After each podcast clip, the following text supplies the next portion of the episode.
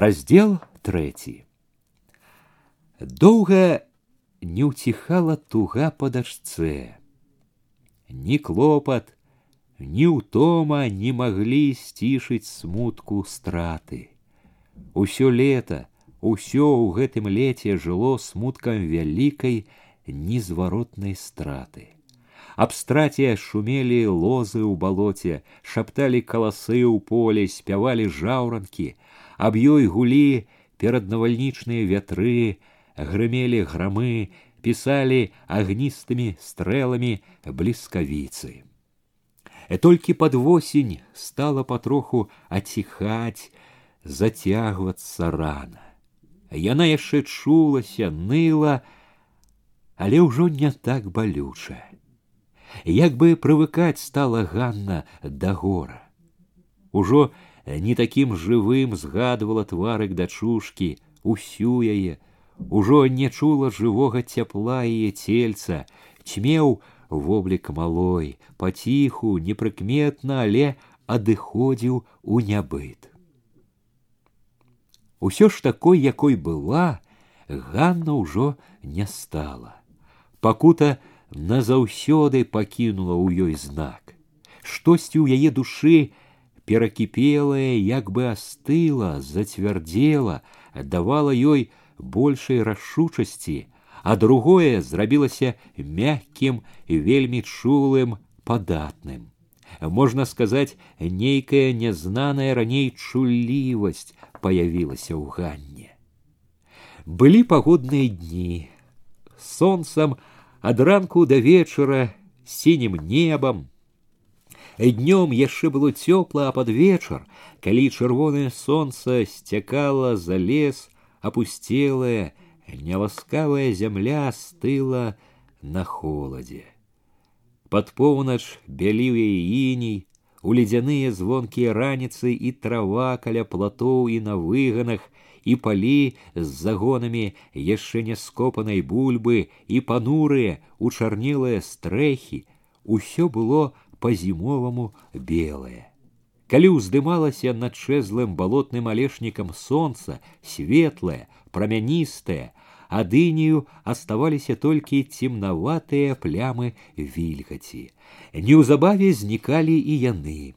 Іней трымаўся яшчэ ў цені дрэваў і хат, трымаўся ў парта, пакуль сонечная цеплыня не дабіралася і сюды.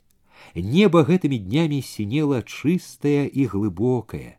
Яно не было цяпер такое яркае, як раней, часта атульвала яго белаватая, нібы малочная смуга, і яно здавалася бляклым, быццам выгаралым за ліпеньскую і жнівеньскую спёку. Сонца таксама было іншае. Аддаўшы амаль увесь свой пал лету, яно берагло рэшткі цяпла, грэла мала, але на дзіва лагодна і пяшчотна. Гэтай лагоднасцю пяшчотай было напоўнена ўсё ў прыродзе усе дні.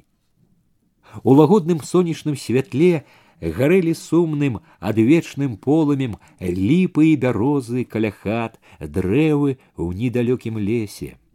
Як сівізна ад былога ад перажытага бялела ўсюды павуціна.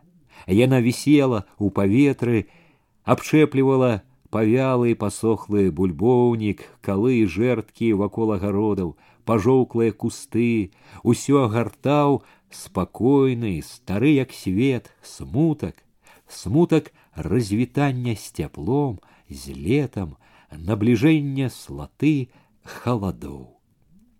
На душе ў Ганны ўсе гэтыя дні было самотна і трывожна. Не адыходзіў ціхі, цягучы жаль. Душы хацелася шкадаваць. Шкада было і добрага, ужо аслабелага сонца, і голых бедных палёў і яркіх агністых дрэваў, што вось-вось павінны былі страціць сваю красу. Што это со мной? Дзівілася не раз яна сваёй чуласці. Раней яна ніколі не адчувала так восені, была безуважная да гэтай пары, нібы і не заўважала. Чаго ж цяпер так хвалюе яе апошняя пяшчота цяпла, згалеласць палёў, смутак асенніх дзён. Чаму ж усё гэта адгукаецца ў сэрцы маркотнай, няўціхнай журлівасцю. Капалі бульбу цэлымі днямі ад ранняга ранку да позняга змроку Ганна рабіла на полі. Зямля была ўжо холодная, і пальцы, чорныя ад зямлі стылі, станавіліся непаслухмяныя. Зямля моцна ўядалася ў а поры, у маршчыны, под пазногці. Скурчаныя, Намерзлыя пальцы под вечер разгіналіся тяжко, твердела, касцянела и согнутая, и день у день дзень спина. спіна. пальцами землю, зямлю, яна неяк сорвала аб каменьчык палову пазногця, Пазногаць яшчэ моцна трымаўся на пальцы, але капаць і перабіраць рукамі зямлю стала нязручна. Часам Ганна вярэдзіла яго і руку, «Э, ламаў тузаў моцны боль. Яна сціскала зубы, каб не застагнаць. Старалася б яна маўчаць мусіць, калі б э, было і ў тысячу разоў горш. Э, Ганне ні за што не хацелася паказваць перад свёкрам і перад свякрухаю свой боль хавала яна яго і ад чалавека. За час свайго замужжа Ганна прывыкла таіцца, хаваць у душы і пакутны боль, і тугу, і надзеі. Калісьці такая гаваркая, таварыская, яна даўно стала любіць адзіноту. З настроем адзіноты лепш за ўсё было ёй у лесе. Лес супакойваў, суцішаў, гаіў. Дрэвы то маўклівыя, то шапаткія, здавалася, разумелі і спачувалі, каля іх лягчэла на душы. Так было раней, увесну, улетку, цяпер жа лес, які ўсё навяваў у душу, якая стала дзіўна чулай трывогу і смутак. І ўсё-ткі ён вабіў да сябе. Поле глушакоў было каля самага лесу, і Ганна не раз збіралася выбраць вольную хвілінку, пахадзіць па ім. Але глушакі рабілі амаль без перадыху. І толькі калі скончылі капаць усю паласу і апошнюю бульбу сыпалі ў лазовы кош, Ганна нарэшце адчула, што прыйшла жаданая хвіліна. Я пайду ў лес, абыякова сказала яна свякрусе. Галушачыха глянула недовольна. Чаго там табе рабіць? Грыбоў пагляджу свіней карміць скора апярэдзіў маці яўхім. Ён паклаў у кош жалязняк. Я ненадоўга старая нечакана прамовіла. Яўхім а мой і ты схадзіў бы дзіцятку пагуляў. Ганна, што ўжо ішла ад старой слова, не падала, нібы нічога не чула. Ужо ў лесе яна мелькам азірнулася. Яўхім стаяў каля воза, рыхтаваўся ехаць дамоў.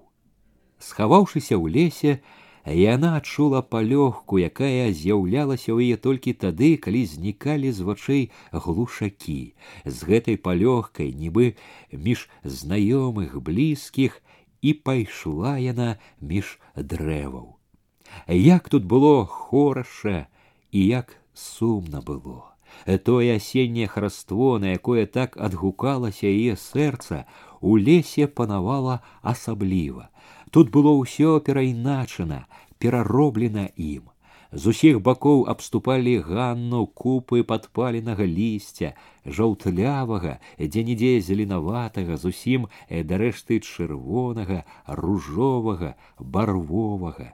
Э, ніколі ў лесе не было такой дружнай, бурнай, як усплёск, полымя, яркасці фарб, э, такой кіткай красы.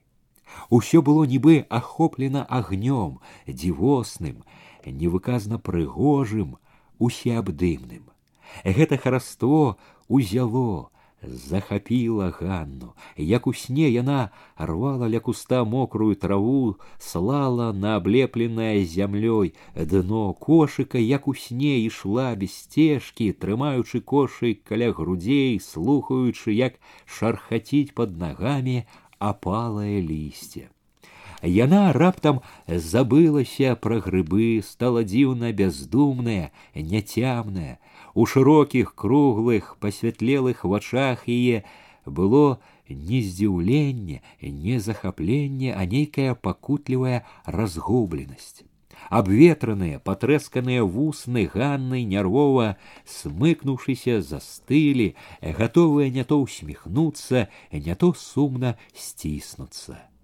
Яна прайшла зараснік, багата лесу, што абступаў бярозамі, дубамі, асінамі, падлескам. Ужо сярод лесу яна нібы абудзілася, пачала шукаць грыбы, их было немало, але пара іх сыходзіла, большасць, асклізлыя, трухлявыя, от першага дотыку разлазіліся. Ганна хутка адчула, что стамілася и подалася назад. и шла повольно, неохотно, вяртацца не хацелася. Каля рабіны, на якой крывёю гарэлі важкія гронкі ягад, яна паставіла кошык і апусцілася на холодную траву. Зморана згорбіўшыся, не варушачыся нейкі час сядзела з той бяздумнасцю, з якой нядаўна ішла лесам. Вакол ападаючы шамацела лісце, угары маркотна цягуча шумеў густы ветер.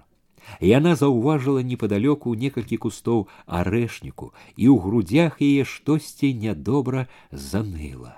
Успомнілася нечакана, як калісьці спаткалася з Васілём, у такім самым арэшніку. У яго была цераз плячо доўгая торба, яны потым сядзелі на выспачцы. Васіль лузгаў арэхі, якія браў з торбы, гаварыў, што ў хвойным воўк сярод белага дня зарэзаў авечку. Яшчэ пра розныя гаварылі. Нічога асаблівага ёй не прыгадалася, бо ў той сустрэчы нічога такога і не было, але сэрца яе зашчымела жалем. Адышло ўсё гэта, сустрэчы з Васілём, маладое шчасце назаўсёды адышло. і ў думках даўно ўжо не згадваецца, і ў сне не сніцца, адышло, адгарэла, няма чаго і згадваць. Іншае наўме было, іншым жыла, каб і хацела, не было б калі думаць асабліва, перабіраць у памяці. Жончына доля не дзявочая гаспадарка клопат дзень пры дні. Ганна ўпершыню як бы глянула назад вясною зімою летом, хоць бы калі была гадзінка каб параскошавацца без працы. Гаспадаркі ў глушакоў не тыя што ў бацькоў. Толькі ўпраўляйся наварыць свінням каровам авечкам. Нарезать, намясіць, занести ўсім, накормить такую прожору. А поле памажы паараць, побарановать, посеять. а огород, парабі градкі, пасадзі ўсё, выпалі так, каб травиночки нідзе не асталося. Свекор любить, каб чисто было аж него, у ў вушах шамаціць ад сухіх каласоў, калі ломіць здзярвянелую спіну, калі чакаеш, не дачакаешся краю паласы збаўчага потімку. А восень, выццё малатарні, хмары пылу, ад якіх душыць усярэдзіне, доўгія рады карчоў бульбы, падкапаных жалезняком, яўхіма ці старога глушака. Было тут калі думаць, успамінаць пра вольныя мілыя вечары. Толькі збудзеш апошнія клопаты, з'ясі чаго-небудзь, ледь дацягнешся да ложка, Сон навальваецца як сцяна, спіш, што мёртвы, ніякая сіла здаецца ўзняць ужо няздольна, а заспяваюць Другие пеўні ногі самі сабой ссоўваюцца з ложка. Дзіва, і мёртвы ўстаў бы, калі стары крэкчучы, успёрся, пачаў сноўдацца па хаце. Усе павінны ўстаць, і ўсе ўстаюць, і яна таксама. Як адзіны доўгі, доўгі дзень, як адна бясконцая дурнотная ноч, успаміналася ганне яе замужняе жыццё тры гады жыцця. Успомніліся нялюбыя грубыя яўхімавы абдымкі якія яна павінна была заўсёды цярпліва трываць чалавекава жонка. А ён хоць бы калі падумаў уважыў яе ахвота ці неахвота ёй. Ён ведаў адно абы яму было добра. А ён нават як бы знарок мучыў яе, чуючы яе стрыманасць. А ён як бы помсціў за тое, што не любіла, што ўпарцілася некалі. Помсціў за Васіля, за вольныя гады. І кожны вечар, кожную ноч адно і тое ж, быць з ім, цярпець яго. І так усё жыццё да скону. Няўжо, все жыццё так. Усё жыццё, увесь век цярпець яго, цярпець старога, які гатоў з'есці, калі прысядзеш на хвілінку, калі запарвеш, панясеш, что сваім, які воч не зводзіць, баіцца, што абкрадзеш. Даскону со старой, якой усё мало памагаеш, якой усё мала э, любіш яўхімачка, батрачкай, рабою іх век быть. А рабою скнарых не нажер, рабою праўду ж кажуць, п'явак людскіх кулакоў, Ганну узяў страх. Яна паспрабавала адагнаць страх, але спакою не было. Позіркі раптам выхапіў бярозу што тырчала наводдаль. Бяроза дажывала век. Вецце было ўжо найбольш пасохлае там і тут вятры абламалі галіны ствол чарнеў старэчай карою ад гэтай бярозы ганне стала яшчэ страшней. Гэта ж я сама пронізала яе думка такая ж і я. Слёзы, як не стрымлівала іх, набеглі на вочы, затуманілі позірк. Згадала, як канала малая, як засыпалі зямлёй труну, адчуванне бяды вялікай як свет непапраўнай ніколі напоўніла яе сціснула балюча горла усё жыццё пакутаваць ёй усё жыццё ісці з бядою, жыць без шчасця, без уцехі, без якой-небудзь надзеі на прасветліну. Яна ўпала на павялую холодную траву, і плечы яе затрымцелі ад горнага роспачнага рыдання. Яна плакала доўга, доўга ляжала без слёз, тихая, стомленая, спустелая калі раптам цвёрда ўстала, не глядзела ўжо навокал. Вочы нібы не бачылі нічога, зрэнкі былі вузкія, вострыя, сухія, з дзіўным такім непадобным на нядаўняе спакоем подумала: Няўжо ж так і далей будзе? Не пераменіцца няўжо увесь век спакойна ж з нейкай злосцю, нават злорадностью запярэчыла не. С таго дня апанавала Ганну одна думка, адно жаданне пабачыць Васіля, спаткаць дзе-небудзь няласкавага, нядобрага, любага. Лежачы каля яўхіма, які зморана спаў, Яна душила ў сабе глухую нянавість, стрымлівалася, каб не ўстаць, не пайсці, куды ў вочы глядзяць. Далей з гэтай даўкай цемры, з задухі гэтай. Трэба ж было ляжаць спакойна, не варушачыся, бо свякруха таксама часта не спала. Ганне было чуваць яе крахтанне ды бошканне. Часам здавалася, што старая прыслухоўваецца ў цішы да ганненых нядобрых думак, каб заўтра расказаць пра ўсё сыну, накінуцца на яе.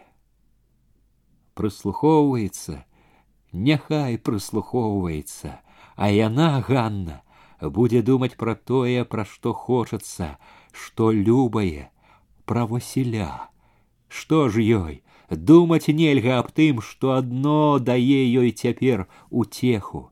Яна ж можа і жыве цяпер толькі тым, што ён недзе ёсць, што можа таксама вось так ляжыць і думае пра яе.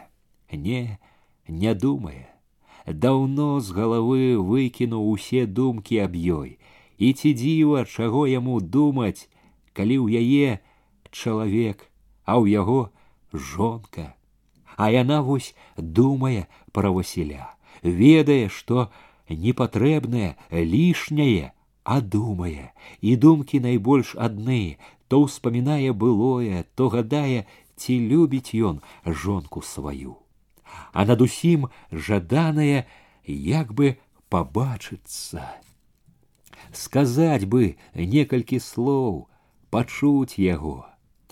А можно и не говорить, только б пабачыцца, ды каб не на людях, а адным, каб никто не заминал, каб не трэба было ховать душу, таиться.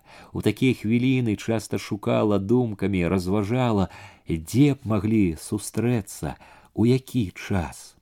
Часта ва ўяве ўзнікалі жаданыя сустрэчы так ясна, што ў грудях рабілася цёпла і хораша, бачыла Васіля перад сабой, быццам быў напраўду тут, чула яго ласкавыя словы, так нібы ён і праўда гаварыў.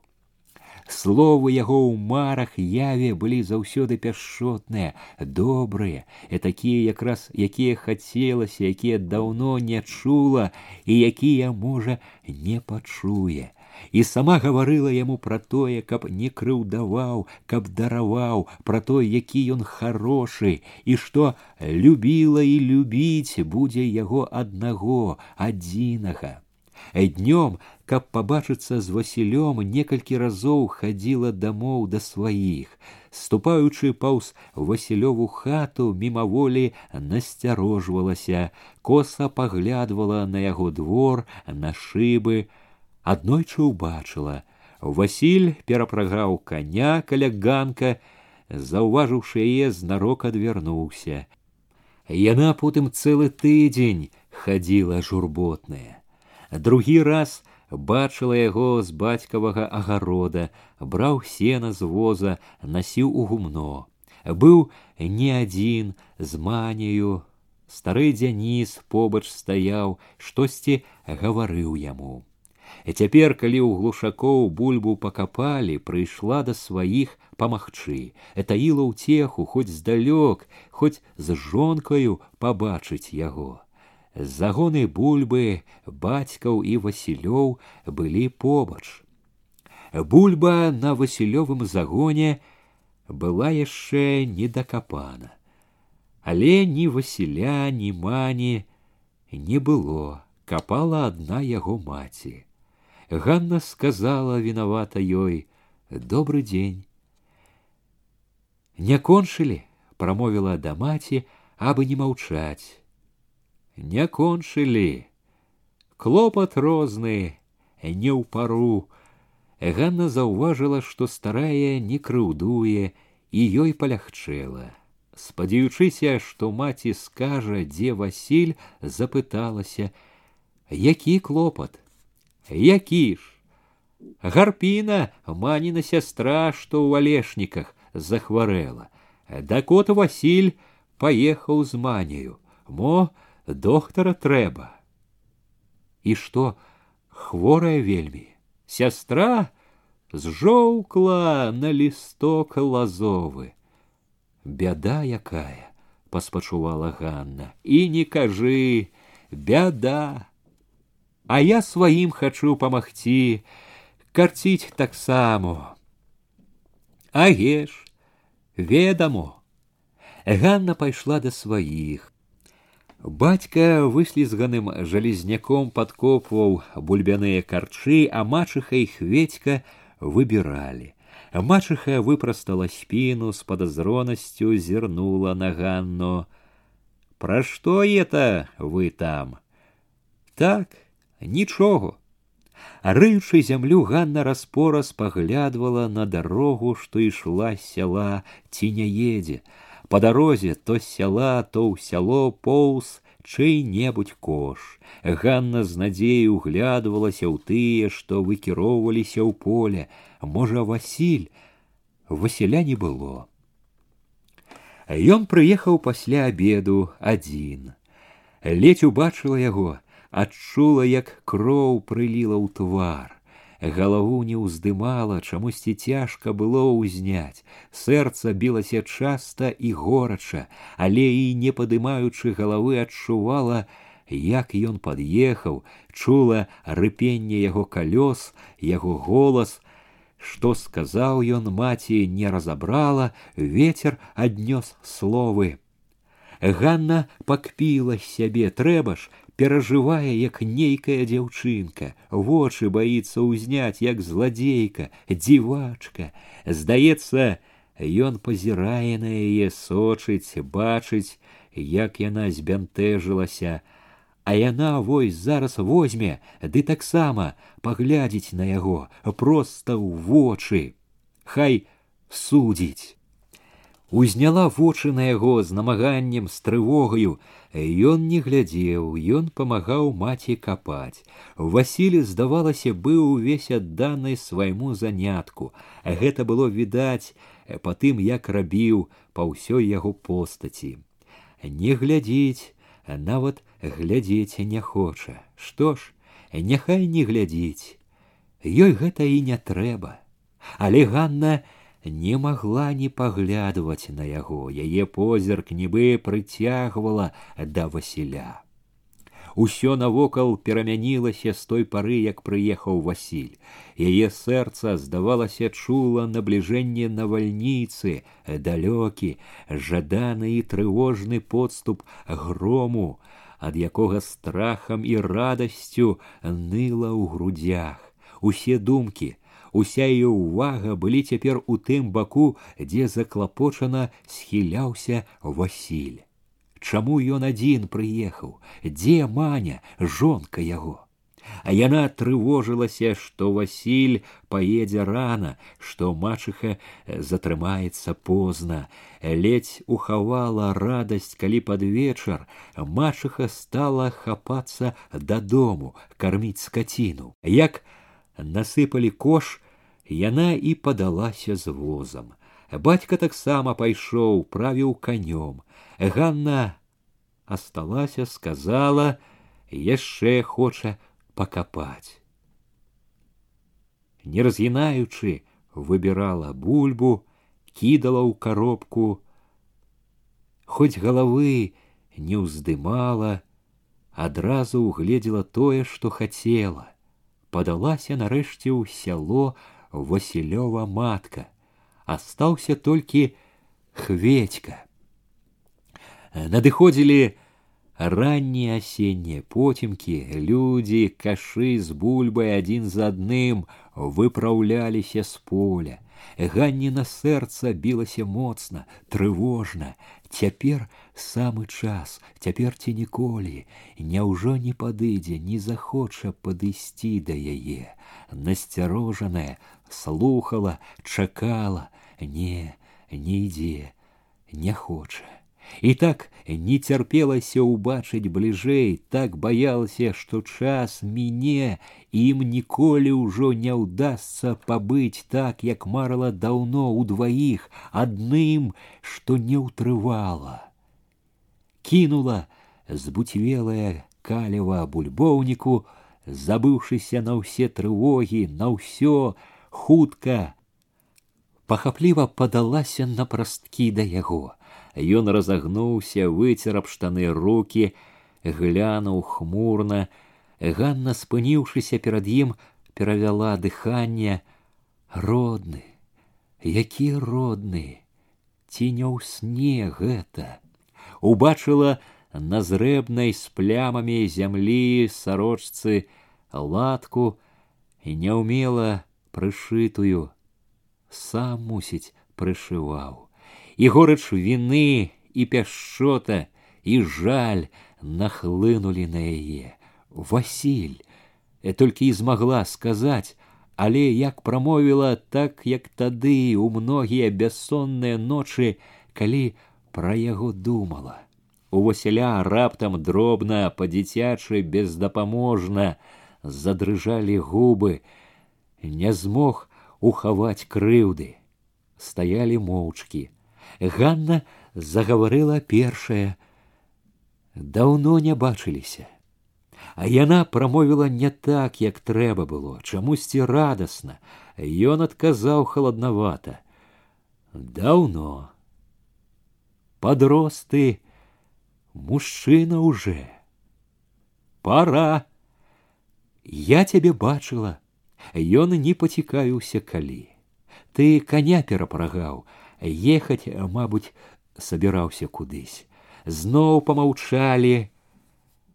Я тебе сам бачу. Ты отвернулся. не тады, як да сваіх ішла. Узрадавалася, калі пазаўчора, пазагуменні я ў гумне быў, ты я володьку бачыла мы у двоих. я ў гумне ля варот. А я не знала. Словы гэтыя вырваліся самі сабой. У іх было шчырае, непрытоенае шкадаванне. Таксама шчыра, але крыху пакрыўджана папракнула, не выйшаў, схаваўся. Я знарок. Чаму Ганна выціснула? гадкая я табе. Чужие, у тебе свое, у мяне свое. чужие стрымалася. А где маня? У алешніках сестрою осталася. Ей упала ў вочы яшчэ латка, акуратна прышытая, пэўна, жонкаю. Як табе жывецца? Так, жывецца. Маня добрая, працавитая, акуратная. Акуратная. Ён не хацеў гаварыць пра жонку, зноў трохі памаўчалі, Васіль адолеў сябе сваю чужацкасць, кінуў з-пад лба раўнівы позірк. А ты як? Не пытайся, багачка! Губы як пліва смыкнуліся. Багачка! Яна момант яшчэ стрымлівалася таіла горыч і шкадаванне як звычайна. Як і ўсе месяцы усе гэтыя гады ад усіх звыкла ўжо таіцца. Але чаго ж таіць ад яго? Каму ж і адкрыцца, як не яму, апаліла Васіля вачыма. Вася, мне тое багацце, во! Ганна парывіста правяла рукою па шыі, хай яно, агнём! Ён збянтэжыўся. Рабіць багата застаўляюць, кажуць. Калі б тое адно, і б'е ён, чутно было, усяляк бывае таілася момант з даўняй нязменнай звычкі не паказваць іншым бяду, але толькі момант больш каб і хацела не змагла б таіцца шчыра з нейкай адчайнай рашучасцю выдыхнула магіла то моя вася! Магіла Неспадзявана і для Васіля і для сябе Ганна горача з той жа рашучасцю запытала: « Вася, табе не шкода, што ў нас так няскладно.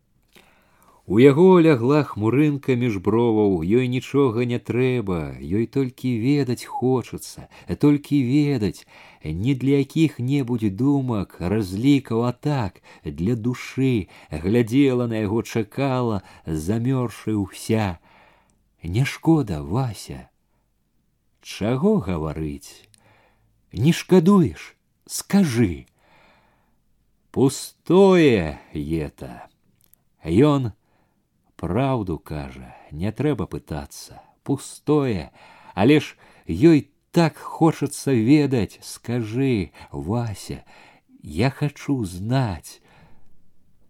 Што з таго шкадуеш, не шкадуеш, скажы, я хочу, Вася, скажы, не шкадуеш. Ну от, ён нібы гаварыў, прыйдзеш у галаву такая непатрэбшчына. Кончана ж усё. Кончана. Ну, ты ж знаеш, ты ж Васіль зазлаваў. Няхай злуе так лягчэй, так лепш, чым гэты нядобры холад. Ты ж пачала ўсё. А яна згадзілася, нібы з радасцю, я я виновата я вочы яе хутка заслала слязамі Ганна закрыла твар далонямі людзі ўбачаць няхай бачыць што мне і паплакаць няможна ніколі гаварыць будуць няхай гавораць ты баішся? Я? Мне што? Ганне палягчэла Пра яе непакоіцца, пра яе думае, значыцца, не зусім абыякова. Яна ціха, як бы не верачы сабе сказала: « Ты, ты не забу заўсім, Вася. Ён не адказаў. Дзіўныя пытанні часам у гэтых жанчын бываюць, абы запытацца. Яна ўсё зразумела і без слоў. Не забу, Вася, Вася, мне зараз так добра, мне больше ничего и не трэба было, только знать это и все. Ганна со слезами ў вачах усміхнулася. Ей у меня радость. Василь об нечым думал. Про что ты, Василь? Ды вот, як нам теперь а да іх ішоў хведька. Убачыўшы гэта, Васіля недовольна нахмурыўся, Ганна здагадалася, не падабаецца, што прыйдзецца спыніць размову. Адчула, якое жаданне з'явілася ў ім, якія словы зараз сарвуцца з яго неспакоеных губ, сказала сама: « Вася, давай побачымся. Як? Ну, я прыйду, куды толькі. А калі? Хоць заўтра, як сцямнее, ён зірнуў, як бы сам пытаўся: « К гумуну хіба, дзе яблуня, добра, калі ішла назад, не чула пад сабой зямлі. На сваёй паласе раптам гарэзна абхапіла хведьку, сціснула, хацелася смяяцца, крычаць, не забыў, не выкляў, любіць, любіць. Ні ў тую ноч, ні ў дзень потым нічога больш не было асаблівага. Усё было здавалася б, як і раней.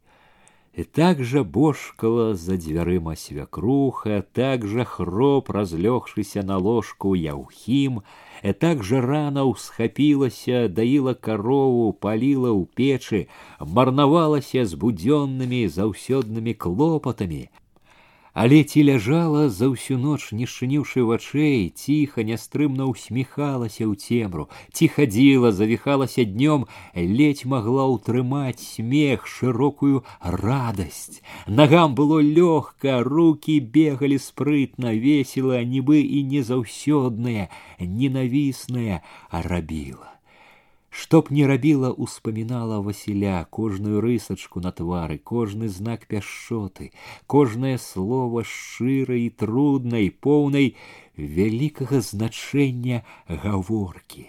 Вясёлая надзея ні на момант не ўціхала ў ганне, трывожыла і трывожыла нецярплівым радасным чаканнем сягоння Сягодня ўвечары, нібы штосьці спявала ў ёй, сягодня, хутчэй бы той вечар.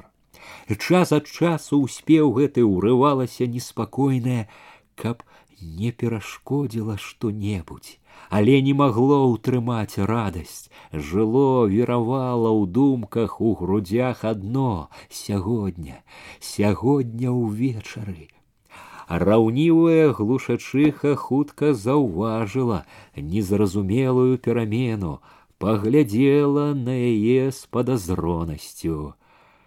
Что это носіць цябе, як нячыстая сіла, прабурчала яна ўслед ганне. Пачула старая скнара носіць, носіць, только не нечистая сила подумала Ганна со злой радостью, с помстой, увайшла у свою половину, убачила на лаве на столе сонечныя паски, засмяялася. день який, як свято, А хіба ж не свято, свято, мое свято. а после обеду, хаваючы нецярплівасць, знарок абыякова сказала, что пойди до своих памагчы. Старая, что аказалася якраз у их половине упекнула. От гаспадынька называется, гаспадынька, э, только и думки, что про других, про чужих. Чужие ёй дорожей. Ганна не тоячы непрыхільнасці да и отрезала, Яны мне не чужыя, Як ты гаворыш з маткаю, умяшаўся яўхім, здымаючы з кручка аброць, надумаў з'ездзіць у лес. Як гавару, як трэба. Не навучылі, мабуть цябе. Не навучылі. Цябе не попыталіся.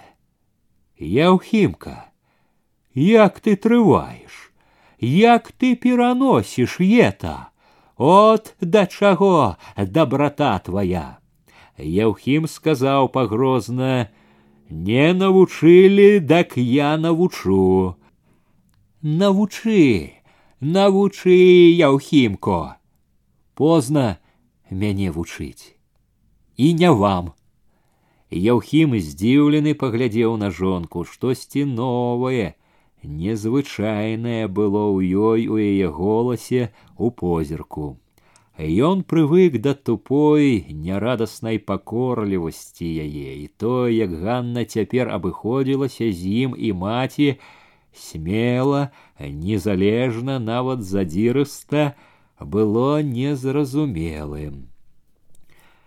Не мне кажаш вучыць, Яўхім густа пачырванеў, руки яго задрыжалі, ён раптам крыкнуў: « Не мне! Яўхім раз'юшана ўскінуў аброць, апярэджваючы яго Ганна затуліла твара далонямі, уціснула галаву ў плечы, удар упаў на руки на сківіцы. Не мне! Яўхім ударыў другі раз. Не думаў, што Ганна кінецца ў ногі, стане прасіць літасці, ведаў ужо яе, але чакаў, што загалосіць. Плакала ж раней бывала. Цяпер не заплакала. Калі адняла твару далоні, убачыў, вочы зусім сухія. Глянула на яго з такой нянавісцю, что яму на момант стала няёмка. Яўхім, аднак прыгразіўся: « Я цябе навучу. Дякуй, навучыў уже. Голас у Ганны быў хрыплы, жорсткі. Не забуду. З рассечанай цуглямі ганнінай далоні цякла кроў, кроплямі падала на падлогу. Старая маўчала, гледзячы то на нявестку, то на сына. Помні, Яўхім важка павярнуўся, моцна бразнуў дзвярыма, затупаў у сенцах на ганку. Пасля таго, як ён выйшаў, Ганна і свякруха не перамовіліся ніводным словам. Неўзабаве ён праехаў паўз вокны, прарыпеў, адчыняючы і зачыняючы воротами. Старая стояла каля окна, сачыла за ім, а пакуль ён не схаваўся з канём на вуліцы. Ганна сабралася ісці да сваіх. Глушачыха праводзіла яе позіркам непрыхільным, ненавідным, але нічога не сказала. Вуліца з краю ў край блішала цягучай, як дзёгаць граззю, якая ў гэтыя дні не высыхала. Пасярэдзіне вуліцы гразь была перамешана конскімі нагамі, калёсамі. Было яе там столькі, што часта даходзіла да галовак колаў. Людзі звычайна ліплі бліжэй да платоў. Каля плота ішла і Ганна. Гразь была ўжо холодная, і босыя ногі моцна стылі. Яна не чула гэтага. Дзень быў такі ж ясны, рэдкі, незвычайны ў гэтую познюю асеннюю пару, але Ганна не заўважала ўжо святочна яго яснасці. Трапляліся сустрэчныя, віталіся з ёю, яна адказвала нібы спакойна, хавала ў сабе свой смутак. Хто-ніхто азіраўся ўслед ёй, чулі ўсё ж, што бяду нейкую тоіць. Не здзіўляліся а амаль, ведалі, як ёй з глушакамі жывецца. Бацька і хведька былі на прыгуменні, ладзілі капец. Ганна стала памагаць ім перабіраць бульбу, Рупячыся гэтым сярод сваіх яна паспакайнела і думкі пайшлі цвярозыя, рашучыя. Не буду, не буду я цярпець. А на что и жить, калі так, кину все, кину. Э, меж гэтых думак яна ўспамінала сустрэчу з Васілём, успамінала зноў з любасцю ўсё, што ён казаў, слова за словом, думала пра вечар, які набліжаўся. Ганне было радасна і трывожна. Ці будзе ён гэты вечар, ці будзе ўсё так, як хочацца, ці прыйдзе Васіль. А што калі якая неспадзеўка перашкодзіць ім, А што калі ён перадумае? Гэта было б такое няшчасце. У яе ж цяпер уся радасць, уся надзея на яго прыйдзе, прыйдзе, супакойвала сябе, старалася заглушыць трывогу. Ледзь павічэрала у поцімках со сваімі выйшла на двор. З двара агародам на прыгуменне, на дарогу за гумнамі. Яшчэ не дайшоўшы да васілёвага гумна, стала. Трэба было аддыхацца. Сэрца моцна, няўціхна калацілася, чаго яно так калоціцца, такое неспакойнае, узрушанае, трывожнае. ноги стылі, было холодно ад няласкавага ветру, что находзіў моцнымі хвалямі, біў у твар, поўз, за каўнер, вечар здаваўся просто сцюдзёным. Ганна ледь стрымлівала дрыжыкі. Неба звісала вельмі нізка, толькі недзе далёка за балотам цьмяна тлела тоненькая паска гумны платы дрэвы чарніла макраватая цемра дайшла да васілёвага прыгумення паслухала ціха адчыніла вароты. Тут за вуглом гумна павінна быць яблыня. Вось яна. Ганна стала агледзелася. Дзе Васіль? Яго не было. Ганна прытулілася да яблыні, пачула, як сератліва гайдаецца шуміць голае голле, яшчэ здалёк пачула шарганне крокаў. Хтосьці ішоў да прыгумення. Ён ці не ён? Калі пройдзе па сцежцы значыцца не васіль. Зверне сюды ён. Насцярожана чакала. Чалавек звярнуў да яе наблізіўся. Стала відна ў змроку цёмная постаць. Ты прашаптала яна. Я запазніўся. Прыехаў позно. Стаялі, маўчалі, але самі поўніліся пачуццямі, чаканнем. Нярадасныя, небесклапотныя былі гэтыя пачуцці, нялёгкае чаканне. Зусім інакшае было ўсё, як тады тры гады назад, калі ён быў не жанаты, а яна не замужам і не чалавек яе і не жонка яго адны былі гэтаму віною ні ён ні яна не думалі пра іх і Васіль і Ганна жылі ў гэты момант толькі сустрэчай, адчуваннем таго, што як калісьці яны зноў у цемры адны.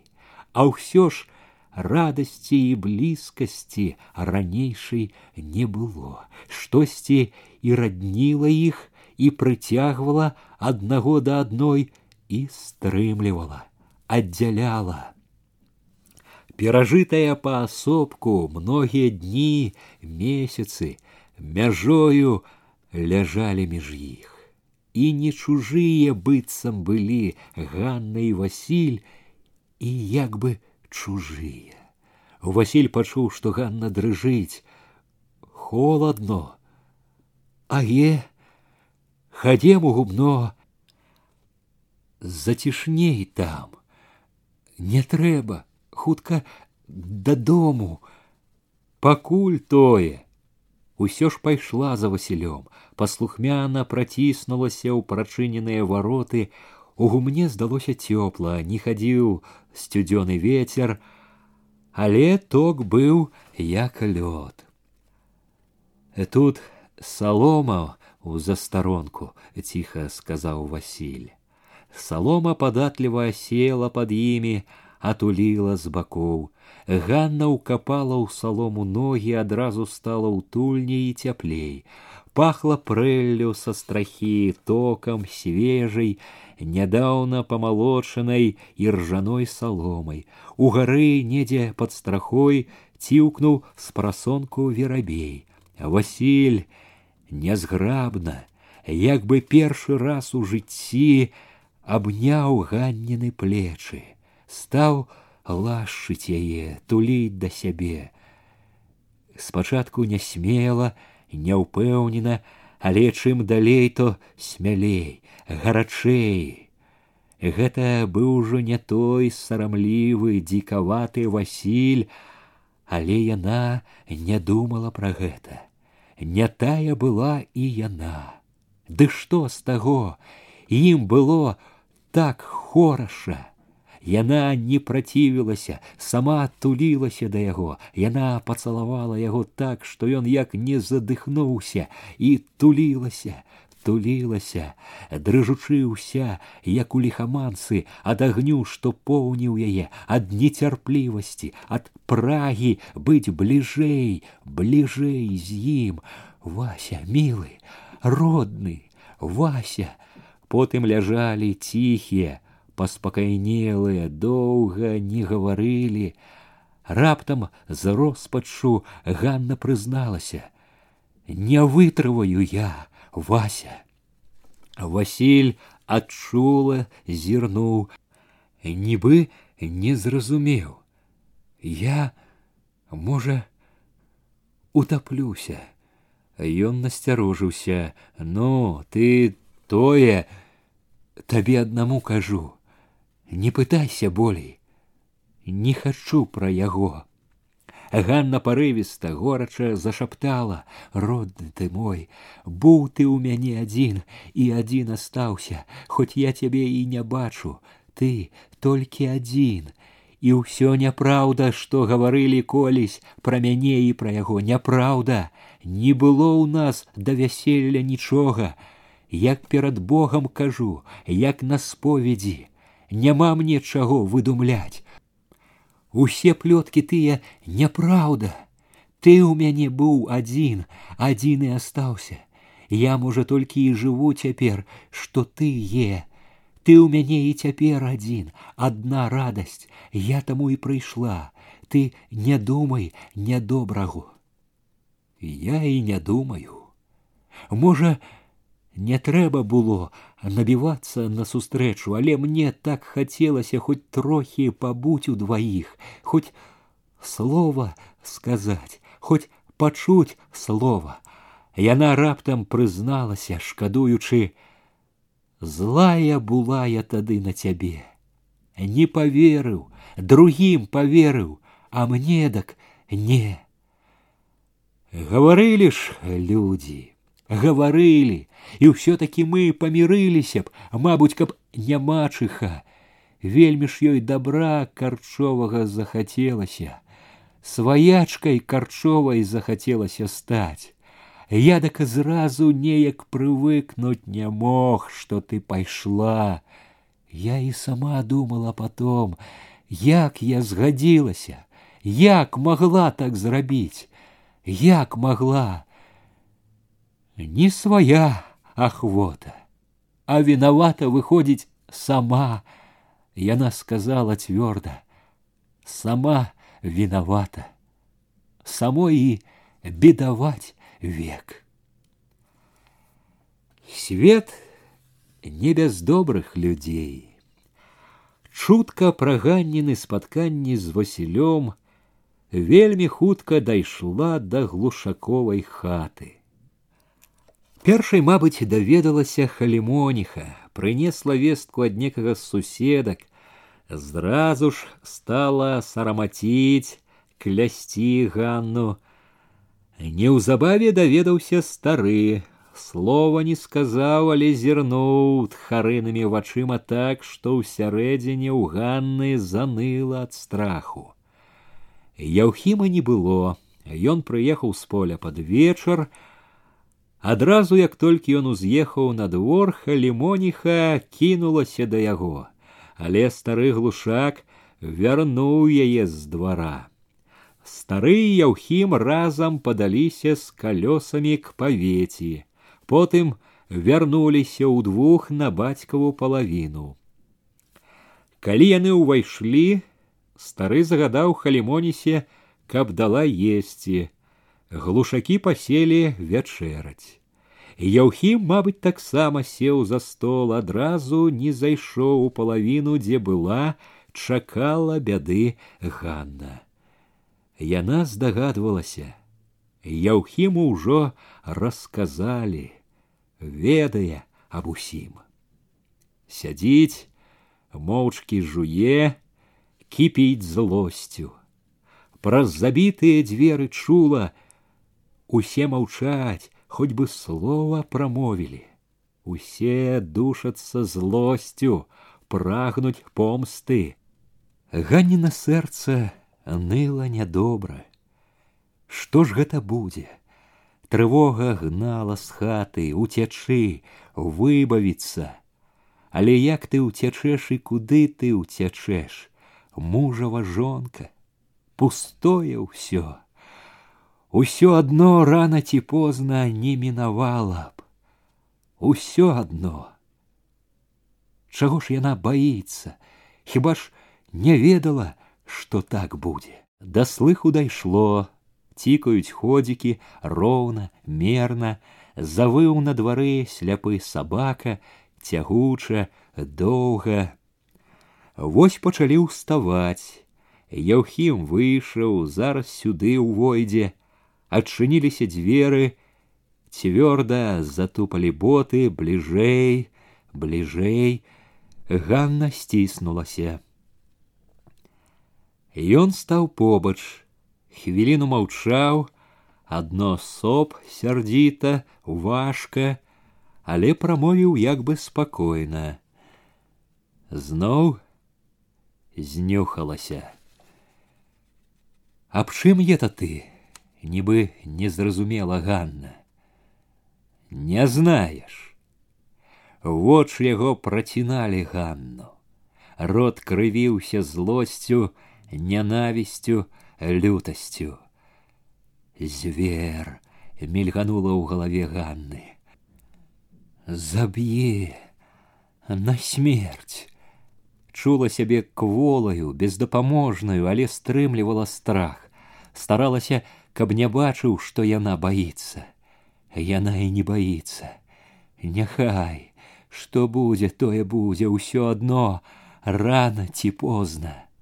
Адзначыла мімаволі за дзвярамі свякруха, не бразгала посудам, ліпла мусіць да шчылін. Стары не падаваў голасу, прыслухоўваліся, чакалі. Не знаешь.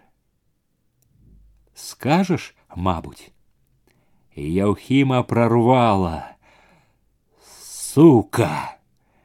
Не ўправілася адхіліцца, Яўхімаў кулак ударил у сківіцу небы гира, и ойкнуть не поспела як упала затуліла адно твар рукамі яўхім люта колькі сілы ударыў ботам раз другі ёй зацяло дыхаць заб'е ну і няхай усё одно. яўхім і забіў бы можа б'ючы ён не толькі не спатольваўся а шалеў яшчэ больш шалеў асабліва тому, что жонка блудница, хоть бы голос падала, хоть бы застагнала, не только не просила літасці, а и болю не показывала.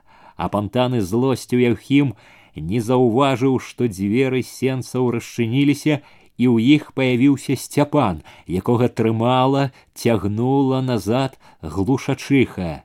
Сцяпанко, не твое, не чапайся.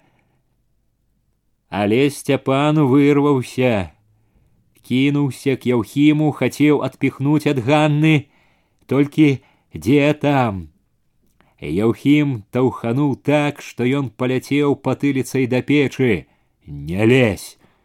Тут на подмогу Степану подскочил уже ўстрывожаны старый глушак, каршаком кінуўся наперад яўхіму стукнуў сына ў грудзі стой! Стой кажу! Тато сыдзіце на момант запыніўся прахрыпеў чырвоны з дзікім позіркам яўхім гатовы кінуцца здаецца на бацьку але глушак зноў стукнуў яго прасіпеў злосна. Дурань! Абоўдзіла не даючы сыну апамятацца адпіхнуў яго.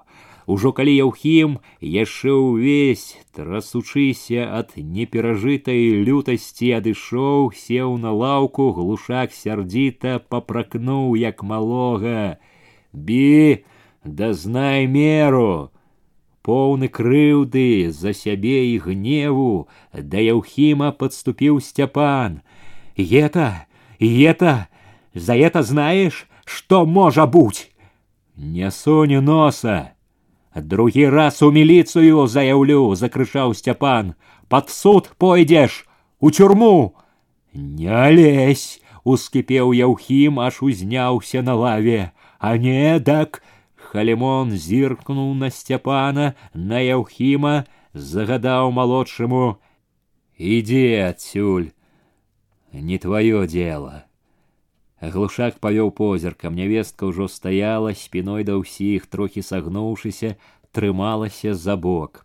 А раз пораз ускідвалася ад нейкага нутранога болю, аж захліпалася, але маўчала. Яўхім таксама маўчаў яшчэ ўзрушаны, нерухомыя, лютыя вочы нічога, здаецца, не бачылі. Стары адчуваў, што ў любы момант ён можа кінуцца на ганну зноў. Глушак вывеў яўхіма на сваю палавіну штосьці у боку резала ганну так что зацінала дыханне як косой резала бок. Боль был такі что трываць сдается не было як. Але трывала супакойвала но вот усё самое страшное, страшнае перабыла дайшло уже, дознался, попомстился няма чаго таіцца і баяцца няма чаго. У суседнім пакоі стары глушак, хоць бачыў, што яўхім слухаць нічога не хоча, не ўцерпеў, упікнуў: казаў я табе, Казаў, калі табе жонкі захацелася, не туды шлеш казаў, не паслухаў, разумнейшы за бацьку быў. Бацько нічога не петрыць, бацько дурань, да кот паспытай. Сам хацеў я таго. Памаўчаў, дадаў павучальна, а только вучы осторожно, умеру, меру, хочешь хочаш будь цэлы. Яўхім не сказал ничего. С гэтага дня у глушаков снова узгарэлася война. Не мінала дня, каб яўхім не лаяў, не біў ганну злосна, бязлітасна. Як заўсёды яна цярпела гэтае біццё моўчкі, толькі вішнёвыя вочы гарэлі ўпартым, нядобрым агнём. Разам рабілі Ганна і Яўхім у гаспадарцы, разам сядзелі за сталом, ляжалі ў ложку, а былі як бы аддзелены непераходнай мяжой, былі як ворагі, скаваныя адным путам. Цяпер вечарамі Яўхім часта прападаў у ларывона. Яна тым часам у потімку клалася спаць, але сон не браў, з цягучай, няўціхнай тугою, як пакуты чакала, калі затупаюць на ганку яго боты, не один раз паўтаралася одно і тое ж, загадзя ведала, што будзе, калі ён п'яны, пануры прыцягнецца. Яўхім вобмацкам сунуўся да ложка, важка садзіўся, соп, сцягваў боты, боты не слухаліся, ён нецярпліва мацюкаўся, сцягнуўшы, кідаў водмаш грымотна лес под коўдру. Ганна чула едкі дурнотны пах самагонкі. Яго цяпер звычайны пах. Чула натужнае злое сапенне. Ляжала нерухома показывала нібы спіць. Але яго гэта не толькі не стрымлівала а злавала больш. Сука! кляў ён. Гадзіна! У розныя вечары словы былі розныя, але сэнс іх быў звычайна адзін. І знайшла каго. Прамяняла на каго, на эту гніду. А яна не гаварыла нічога, не толькі таму, што ён не любіў, каб пярэчыла, не хацела, не магла вінаваціцца, апраўдвацца, не шукала сцежкі да прымірэння. А нават калі ён, звярэючы ад яе маўчання, непадатнасці, пачынаў шалёна гнуць ёй плечы, круціць руки, трывала боль, не прасіла літасці. Толькі часам, калі цярпення не ставала больш, гразілася, што пойдзе ў раён, скардзіцца ці ўцячэ. Ткніся толькі туды ў раён, сіпеў яўхім, толькі попробуй, дак побачыш. Попробуй уцекці. На вяроўцы правяду, як суку паганую. Не адзін раз, як бы ўжо цвёрда надумаў, гразіўся, заб'ю, зарэжу, калі што якое. Няхай арыштуюць, засудзяць, хоць у салаўкі сашлюць, пляваць, а ўсё адно не жыць табе, калі што якое бачыла, што не пляце попусту, што калі прыйдзецца спраўдзіць сваю гразьбу. То таила страх у сабе, аж ляжаць спакойна не магла побач, то чула лёгкасць, бясстрашнасць, чаго ёй дрыжаць за такое жыццё. Няхай яно прападзе пропадам. Одно не мянялася у Ганны, хоть ведала, что не только злость и лютость живут у им да яе, ни на міг не пашкадавала Яўхіма, не зжалілася над его дурным каханнем, бы агнём выпаліла ў ганнінай душы спагаду шкадаванне да яго. Чуючы, як ныюць плечы, баліць усё цела ад яўхімавай ласки цешылася ўспамінамі пра спатканне з васілём радасцю сустрэч і такіх яшчэ блізкіх чутных і тых якія здавалася даўно ўжо нібы забыліся. І весело, горка было ад тых згадак чтоб яна отдала цяпер затое, каб зноў вернуть бесклапотнае, неразумное шчасце, якое некалі само ішло да яе. Каб не Яўхім, а Васіль от так быў побач, няхай маўклівы, хмурны, недовольны якою няўдачай, часам няхай несправядлівы, недаверлівы да яе, але ўсё ж жаданы, любы, родны, один любы, один родны, один на ухим свете. У темной, душной тишине бессонных ночей у парта учэпліваць Робили Ганну думки мары, як бы зноў споткаться, хоть на момент, хоть одним словом перамовіцца. У гарачай растрывожанай галаве, як сон у вачавіткі ўзнікалі добрыя, шчаслівыя малюнкі, сустрэліся раптам, калі ішла по загуменню да сваіх, нікога навокал, толькі ён ды да яна. Васіль так рады ёй, што відаць, чакаў не мог дачакацца стаіць маўчыць э, толькі цісне руку так балюча цісне што трываць здаецца няможна але ёй як бы і не баліць. Няхай цісне няхай. А вось на вячорках яна прадзе жанками куделю, кудзелю зайшло некалькі мужчын пагаманіць і ён сярод усіх сядзіць маўчыць слова ёй не кажа і яна маўчыць не зірне нават на міг ведае што жанкі сочаць не глядзіць на Васіля, а сама ўсё бачыць, усё разумее, як бы думкі яго чуе, і ён як бы чуе. Узяла прасніцу, пайшла нібы дадому. Ён неўзабаве за ёй, зноў удваіх, як калісьці каля плота, цемра, дождж ім жыць, а ім добра-добра. Думкі мары раз пораз спыняў, цверазіў одум.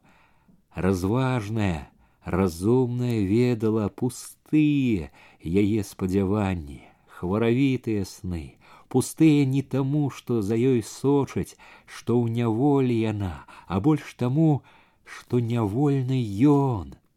У такія хвіліны здавалася себе страшенно безнадзейна одинокой, Душу полила роспач и з крыўдамі, што поўнілі Ганну, усё часцей упаўзалі, апаноўвалі, трывожылі ліхаманкавыя думкі кончыць усё разам. У один момант трохі страху нядоўга болю і ні карчоў ні пакуты ніякай не будзе. Чортава вока на глінішанскім возеры супакоіць ураз. За хвілінамі безнадзейнасці і адчаю прыходзілі вера і рашучасць. Не ўсё яшчэ прапала усё можна яшчэ поправить, свет великий, ёсць у свете место для яе і васілёвага шчасця. Ці ж не бачыць яна што не любіць Василь свою маню? Позвать пайсці з ім хоць на край свету к счастью своему, як ніколі нямілая была и теперь глушакова дамоўка як у няволі у палоне акружанай з усіх бакоў ворагамі чула сябе Ганна дзень пры дні. Як і раней рабіла яна што трэба было але рабіла нібы заведзеная поўная ў душы непрыхільнасці і нянавісці да ўсяго што было глушаковым добром глушаковай уцехай. Не раз, не два кляла яна ў думках глушаковых хлявы, глушакова гумно, глушаковых свіней, авечак, глушаковых сабак, кляла, звала з маўклівага неба пагібель на ўсё.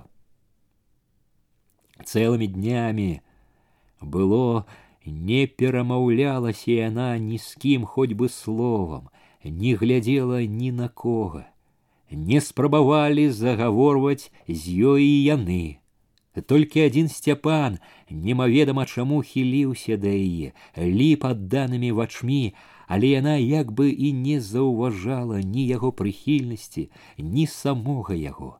Так і жылі, маўчалі, калі пораліся ў хаце, калі рабілі ў хлявах, у гумне, маўчалі за сталом, усюды і заўсёды былі чужыя, нядобразычлівыя, непрыяцелі, якіх лёс нібы на здзек звёў у адной хаце.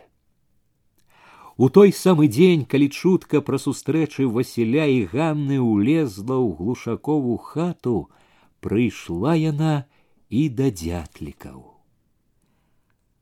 Першая даведалася пра гэта Васілёва маці, якой перадала нядобрую навіну нібыта ігнаціха занепакоена устрывожаная вельмі дзятліха і знаку не падала таго якім важкім каменем легла ёй на сэрца небяспечная бяда. Не паказвала яна трывогу і сваім толькі з таго як паглядвала час ад часу то на васіля то на маню як сачыла за імі. Можна было б здагадацца што гняце паліць яе бяда. Тоячы страх свой, як ніколі лагодна хадзіла яна каля маніі, чым толькі магла старалася памагчы, дагадзіць, нібы старалася пацешыць, парадаваць за крыўду, што зрабіў Васіль. Харошы, які хілілася прымані над калыскаю з васілёвым сынком, агу, агу, разумны ж які такі малы а уже знае што да чаго. Смяецца. Агу агу. Маніяк заўсёды паволі быццам ляніва рабіла сваё паволі быццам ляніва насіла папаўнелае цела. Васілёва маці, што ўвагі не зводзіла з яе, гонячы трывогу, знарок супакойвала сябе, не зная нічого. Супакойвала сябе, але супакаенне не приходила, Чула, что близко тая пара, калі да яе да мані дойде дойдзе, не обмене и до батьки и до яе прыйдзе. У дятлихи просто з рук усё валілася за цеснай халупай, у якой яны яшчэ туліліся, цюкаліся керы, былі чуваць мірныя галасы працы, стаўлялі новую хату зруб быў ужо складзены рабілі кроквы глядзі ды радуйся здаецца от от можна будзе перабрацца а тут раптам такое і каб стаўляў кроквы іншых то а то ж пракоп сам манін бацька сынам пятром маніным братам и лес возили и чистили бервенни разом, а разом складали і склалі ж гляди, не наглядзіся. Відная, прасторная, на две половины хата, якой век не было б у іх дзятлікаў адных.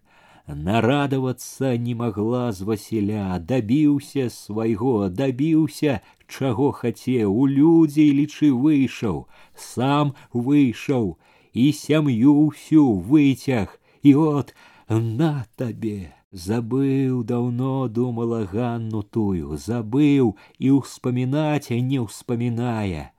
Аж не, оказывается, і не забыў і не астыў. Зноў загарэўся, зноў пацягнула да той, як на бяду то-то смутны быў апошнім часам, усё таіў нешта, усё тупаў без ранейшай ахвоты, хмурыўся, быў у нейкім одуме. Яна гадала, што за прычына, баялася захварэў можа. А шот яна тая хвароба. Даўно не было ў дзятліхі такога неспакою, як у гэты дзень то к лямане ходила, то выбегала на двор поглядеть на Прокопа с Петром, на Василя.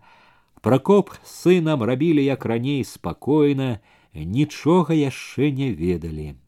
Сачыла за вуліцай, за суседнімі дварамі, Здавалася, хто не ішоў міма, вельмі ж цікаўна, усмешліва зіркаў у вокны, на зруб, на якім рупіліся мужчыны як ніколі багатага баршу наварыла хлеба найбольшую буханку дала сала добры кавалак дастала парэзала на сковородку калі ўнесла з каморкі потную бутэльку гарэлкі абцёршы фартуком поставила на стол пракоп аж вочы з-пад чорных навісаў броў упяў здзіўлена. Пагрэйцеся, бо з холаду, сказала чула зычліва, пракоп прамаўчаў, а пятро довольно пакруціў галавою, засмяяўся. Расшадрыліся нешта вы, тётку. Ці не ўлазіны ета рабіць хочаце сягоння. Аге ўлазіны ледзь не вырваўся ў дзятліхі сумны подых. Яна адразу ж адагнала сум, пажартавала. Баюся вот, чтоб горелка не усохла. Дятлиха клапатлівай гаспадыняй заходила. каля Прокопа и Петра, пагрэйцеся, бо шчырыя вы наши. холодно ж нешта стало. И в осени, можно сказать, не богато, а уже так холодно. И это ж и унизи, як дыхне ветер, дак бы працінае холадам, а там у гары дакі скалець, мабуць, нядоўга. Ды не, не вельмі, няма калі мерзнуць, весело адказаў Пятро. Усё-ткі пагрэцца не лішняе. Да, мабуць, што і не лішняе. Э, толькі ўзялі шклянкі ды кубачкі, як паўз акно праплыла постаць. Ляснік міця. Ляснік не затрымаўся ў цёмных сенцах, прайшоў упэўнена, як у сваіх, упэўнена, як у сваю хату ускочыў перад ім жоўты, абскубаны леснікоў сабака. Міця ступіў, прыгінаючы галаву ад парога сказаў: « Памагай Бог! Не чакаючы запрашэння паставіў стрэльбу ў сметніку, ахвоча крэкнуў: Як чу, у самы раз. Аге, угадаў, міцечко. Васіль устаў, даў яму месца бліжэй да кута, падсунуў свой кубак. Спакойна, як дома палез міця за стол, ледзь не сваім чалавекам стаў з таго часу, калі пачаў нарыхтоўваць Васіль лес на хату. Спакойна, важна ступаючы, падаўся под стол і леснікоў сабака. Другими разами дятліха, частуючы міцю, одно дзівілася, як ён п'е, не п'янее, толькі што твар нібы цёмнай крывёю наліваецца. Дзівілася, шкадавала потай, колькі гарэлкі, добра на нішто прападае. Сёння ж яна і на яго глядзела інакш, як заўсёды. Язык у лесніка дурнаваты, паганы, так і глядзі, спіяну плясне, чаго баішся. Скончыце ўжо скора, прамовіў міця, перакуліўшы кубак, закусваючы хлебам, спрэжаным салам, Ды да ўжо і небагато сказаць. Толькі што халады падступаюць бы на вараных адгукнулася жвава дзятліха трывожачыся каб міця не пляснуў чаго яна як пачала дыкі не спынялася амаль. Гаварыла абы што абы не маўчаць абы не даць міцю развязать язык. Бывала, яе нямала злаваў жоўты сабака, што ўвесь час то круціўся, тоўкся под нагамі, то нават станавіўся, чапляўся пярэднімі лапамі за край стола, глядзеў, зладзейкавата, чтоб такое ўпарваць. Прокоп зіркаў на гэтага нахабу і сёння панура раз нават так даў наском па стола, што сабака упаў на бок і грозна загірчаў. Дятліха аж сачыла за кашлатым госцем з незвычайнай лагоднасцю і гаварыла яму мірна і костку кінула і пахваліла нават разумны, які маўляў, собака. пачула сябе трохі лягчэй калі пракоп выцершы бараду палез за стола валка няўклюдна патупаў на двор.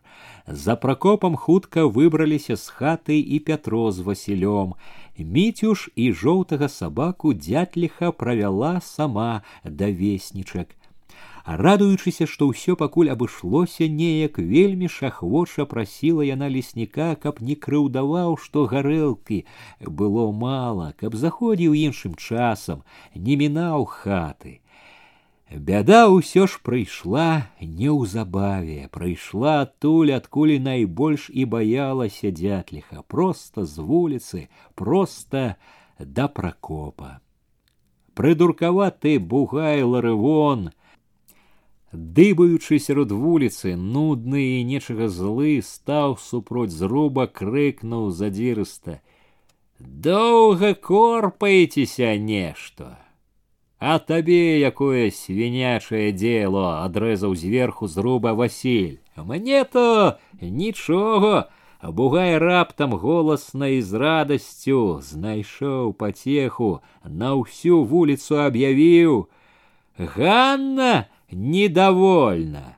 Васіль не чакаў гэтага, ледзь не кінуўся, шалела са зруба, каб учапіцца ў бугаяле, стрымаўся, насцярожана сачыў, што будзе далей. Якая Ганна? няцямна запытаў Пятро. Бугай зарагатаў: якая, што жыць будзе ў этой хаце? Ну, з якой любіцца, на гумне, з якой па начах мілуецца, калі жонка спіць. Ах ты сволач! Василь схапіў абрэзак паплецены. Бугай ледзь управіўся адскочыць, як яна ляснула ў вулічную храпу. Баіся! Бугай закрычаў яшчэ зларадней, галасней, згаварыліся ж, что к Василю перойде скоро. Ты что брешешь, бугай, паганы! Напала на яго дзятліха, стараючыся адвесці бяду, не бачыш, што ў яго жонка, што дзіця ў яго. Жонку эту ён выгане кажуць. Адгукнуўся ўжо са зруба пракоп. Хто кажа? Усё сяло! С клядзьбой и пагрозамі дзяд ліхі ларывон адразу довольный подыбал по улице. Лясун, уткнувшийся чорнай бородой у груди, нейкі час яшчэ и панура, як аглушаны цюкаў сякераю, потым выпрастаўся таксама ж моўчкі, пасядзеў нерухома, стаў няўклюдна злазить, як бы па нячутнай камандзе палез услед за им и Петро. Васіль астаўся наверсе, усім своим выглядом показывал, что не хоча ведаць нічога, жыве клопатам пра хату.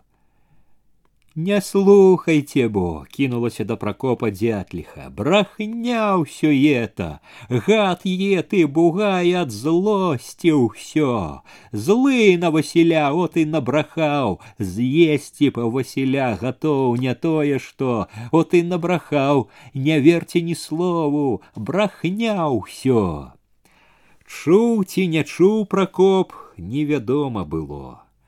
Упяўшы некуды ў парты позірк з-пад навіслых броў, стаяў як скамянелы, хоць бы адна жылка на твары варухнулася. Не сказаўшы ні слова да дзятліхі з-пад лба павёў вачыма на дачку. Маня стаяла неяк па-дзіцячы разгубленая. Толстыя мокрыя губы крывіліся крыўдаю, белыя вейкі дрыжалі, вось-вось заплача чула ўсё, што казаў бугай, чакала падмогі, падтрымкі. Пракопі ёй не сказаў слова, з тым жа скамянелым панурым тварам адвярнуўся, паволі валка пацёгся на вуліцу. Э, Дятліха яшчэ пайшла побач, яшчэ не траціла надзеі працяць лесунову нячуласць. Адарвалася ад пракопа, пабрыла назад у роспачы. Ужо ў двары схамянулася, стала, глянула туды, куды пайшоў бугай, паслала наўздагон, чтоб табе астатнія мозги высахлі, гад падкалодны. Убачыла маню, што ўсё стаяла сярод двара ціха, жаласна хліпала, захадзілася каля яе. Не слухай нікога. Не думай попусту от злости ўсё, мало чаго не наплятуць от злости, Не слухай нікога рыбачку. Хадзем бо, кеп малое не выпала з калыскі крый Божа. Маня одно хліпала як шчаня, хліпаючы безвольная, зусім нібы ў сне і падалася з дзятлікай у хату. Ні валодька, ні дед Дзяніс яшчэ не ведалі пра бяду. Абодва былі ў полі, глядзелі пчаліныя колоды перад зімою. Калоды, праўда, былі ўжо ўцеплены, але деду Дзянісу ведаў володька карцела яшчэ паглядзець, праверыць усё. Баяўся дзед, каб не забыў чаго, ходзячы першы раз. Памяць старая, тым часам і падмануць магла. А падмануць было ёй няцяжка. колод меў дзед як-ніяк сем штук, і стаялі яны па ўсёй зямлі, на ўзлессях, на полі. Усе на дрэвах высока, пакуль даедзеш ад колоды да колоды, пакуль узлезеш. Володька ездил с дедом не так себе, не с пустой охоты. Помогал ставить дробину до древов, и она была важкая и долгая. трымаў дробину калі дед асцярожна лез з папярэчыны на поперечину. Помогал деду нести яе навоз. Ехать было добро, а стоять, трымаць дробину брала нуда і стылі руки, але володя не скардзіўся. Ці ўпершыню было цярпець яму нудоту і нядобрае. Не адно ж ужо лета з дня на дзень пасвіў свіней, коня нават пасвіў і мок і стыў у полі сцярог, як прывязаны быў пры іх. Спярша цярпець нуду гэту была пакута страшная а потым прыцярпеўся звык нічога не зробіш памагаць трэба зарабляць на хлеб. Не малыш ужо не век жа есці хлеб дармовы сядзець на чужой шыі. Словам цяпер гэта быў не той бесклапотны малы які адно ведаў хачу гуляць хачу есці ведаў Володя цяпер што акрамя гэтага спакуслівага хачу ёсць у чалавека непрыемнае, але неадменнае, абавязковае трэба.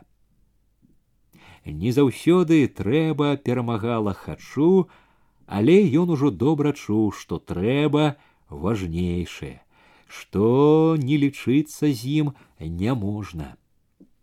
Э так на выганах і на пашах зазнаў малы чалавек вялікую супярэчнасць чалавечага жыцця зазнаў ён і складанасць свету складанасць становішча чалавека ў ім.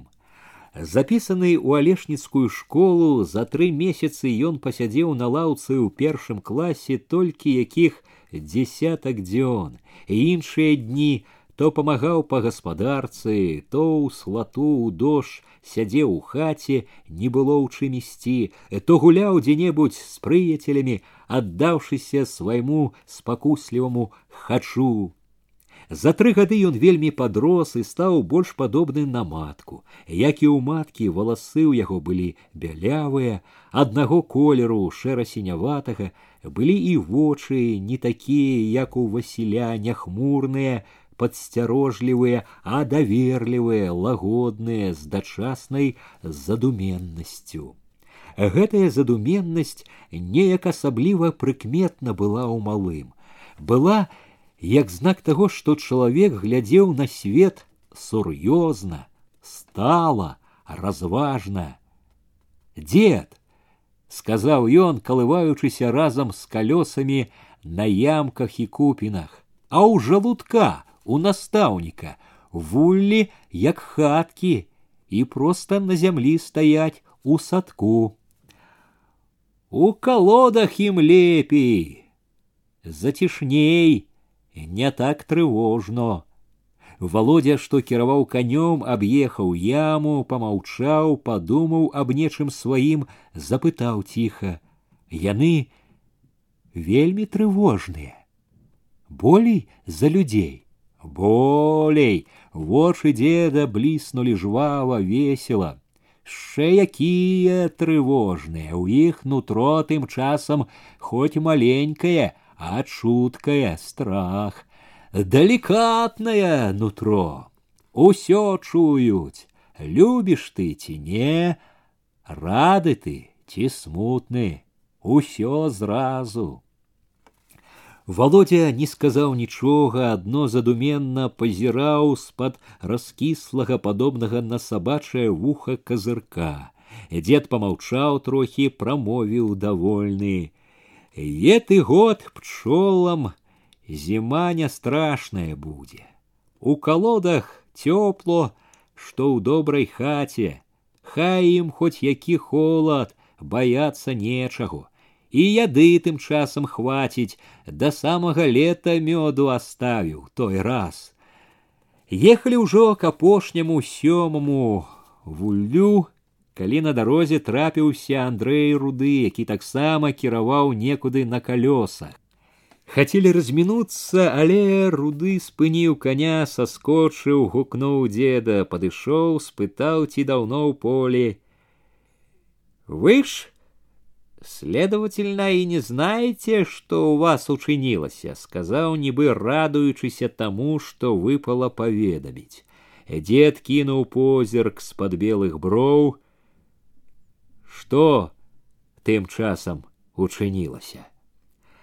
Учынілася дзяніс ігнатавіч у вас так сказать, особенное происшествие. Руды затягнулся самокруткой, пустил носом деликатный дымок. Происшествие, так сказать, на ўвесь сельский масштаб усё сяло гудзе. Раскол у семьи дятлов. Ён перехопил нецярплівы деда у рух и сказал: « Маня и деда своих, а Васіль есть сведзенне бярэ Ганну чарнушкаву як это бярэ.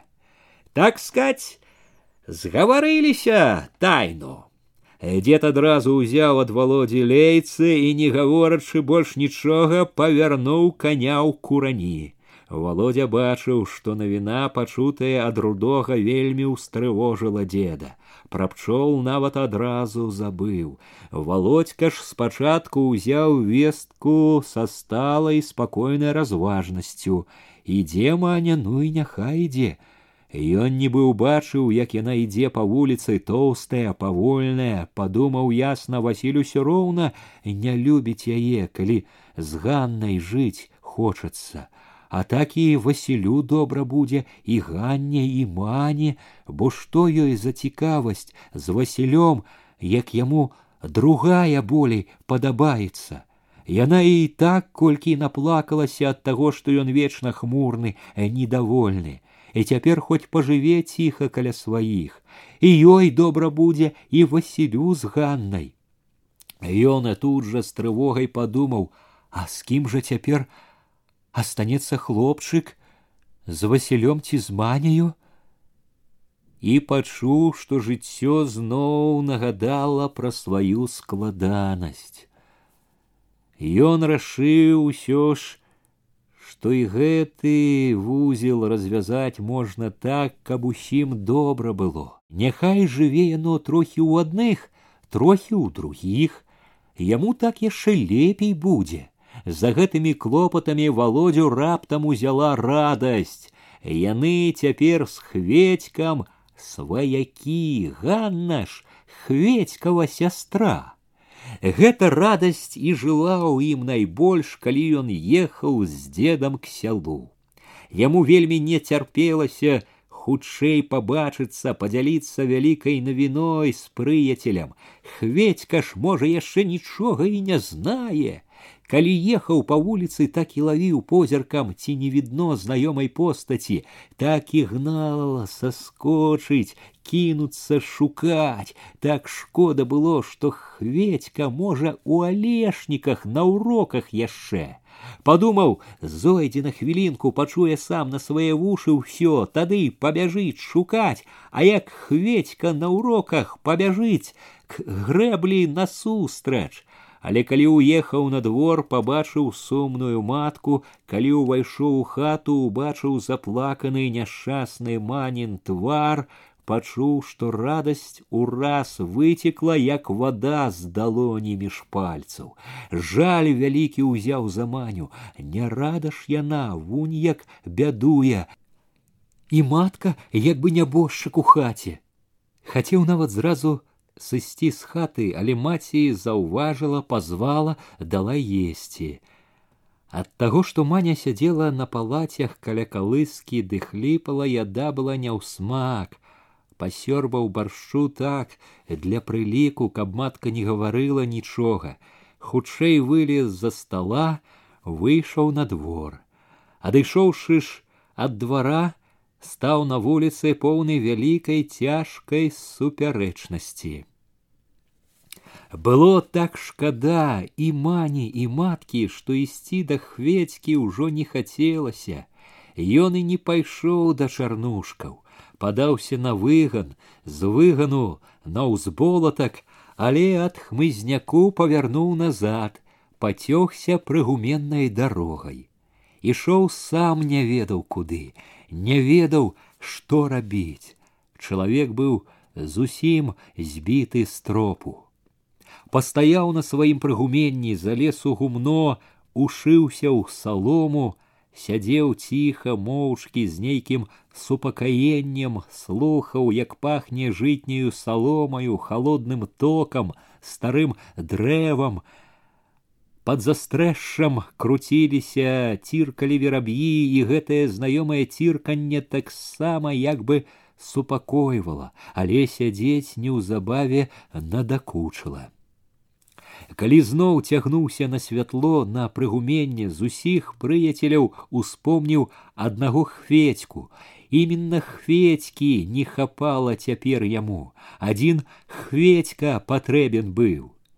Усё ж ішоў на чарнушкаў двор без ранейшай вольнасці, з невядомай трывогай і асцярожнасцю, як бы чагосьці баяўся.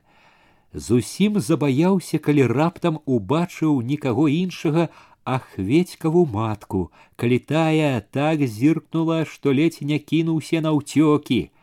Хведькі не было, і ён самотны падаўся на выган, потым у хмызняк. Чалавек усё не знаходзіў сабе месца, жыў адно толькі тым, што выглядваў, ці не відно дзяцей на дарозе, ці не вяртаюцца са школы. Хутка і гэтае выглядванне надакучыла падаўся насустрач, дайшоў да цагельні.